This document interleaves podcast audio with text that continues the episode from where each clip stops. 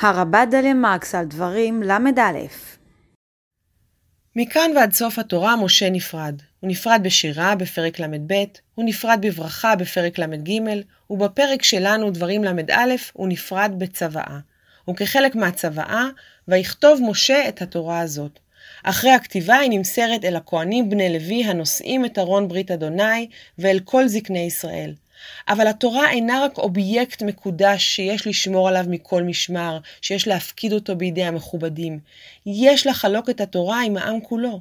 היא לא יכולה להיות נתונה במקום נסתר רחוק מעיני הציבור, אלא היא צריכה להיות ידועה ומוכרת לכל.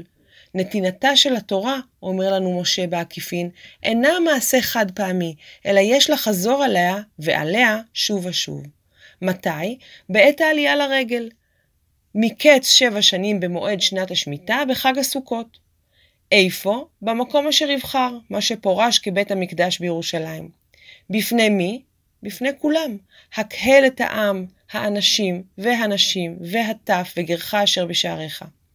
אמנם מצוות העלייה לרגל מוטלת רק על כל זכורך, כלומר רק על הגברים בלבד, וזה עניין נדיר בתורה שיש מצווה שמיועדת באופן מפורש רק לגברים. אבל החובה להשתתף בלימוד המשותף, החובה להשתתף בהקהל, מוטלת על כולם, גם על הנשים, גם על הטף וגם על הגרים. ולשם מה המצווה? למען ישמעו ולמען ילמדו ויראו את אדוני אלוהיכם, ושמרו לעשות את כל דברי התורה הזאת. לימוד התורה אינו רק מעשה אינטלקטואלי של היחיד, הוא דורש את ההקהל, הוא דורש את המעמד המשותף והמשתף של הלימוד. אנחנו קוראים וקוראות על הביצוע של, של המצווה הזאת בשיבת ציון, כאשר עזרא קרא בתורה בפני העם כולו, וגם שם בנחמיה ח' מודגש, ויאספו כל העם כאיש אחד אל הרחוב אשר לפני שער המים. כולם השתתפו, ובהמשך, ויביא עזרא הכהן את התורה לפני הקהל, מאיש ועד אישה. קשה להחמיץ את המגמה הזאת הכוללת, הזאת שסופרת את כולם, והדבר נאמר ממש במפורש, למען, אף אחד, למען שאף אחד לא יוכל לחשוב שנשים לא כלולות במצוות הקהל. במצ... במשנה מתואר טקס ההקהל בבית המקדש, וכך נאמר במסכת סוטה, פרק ז'. פרשת המלך, כי לפי המשנה המלך היה קורא אה, בתורה בפני הציבור, פרשת המלך כיצד?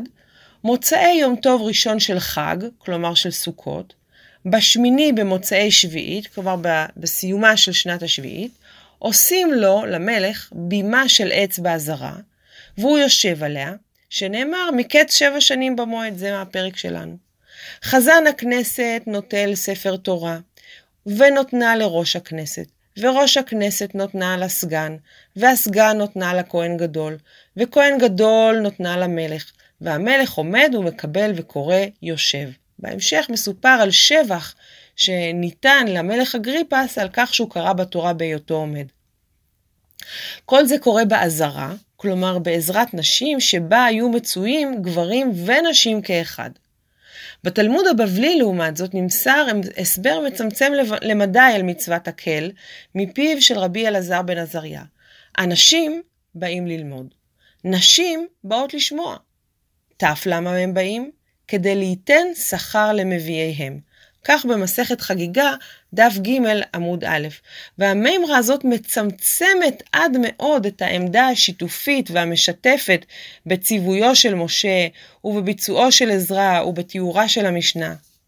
ואכן, לאורך הדורות היו רבים שהתנגדו, ובאופן נחרץ, לכך שבנות ונשים ילמדו תורה. אין ספור נשים יהודיות לא זכו לטעום את מתיקות הלימוד ואת טעמה של התורה ממקור ראשון. אין ספור נשים יהודיות לא זכו להכיר את מכמני החוכמה והיופי של עמנו, ורבות מהן גם לא ידעו קרוא וכתוב. תודה לאל, המצב הזה השתנה וממשיך להשתנות במהירות, ודומה שאחת המשימות של דורנו הוא להחזיר עטרה ליושנה, ולזכור ולהזכיר כל העת שהתורה שייכת לכולם ולכולן.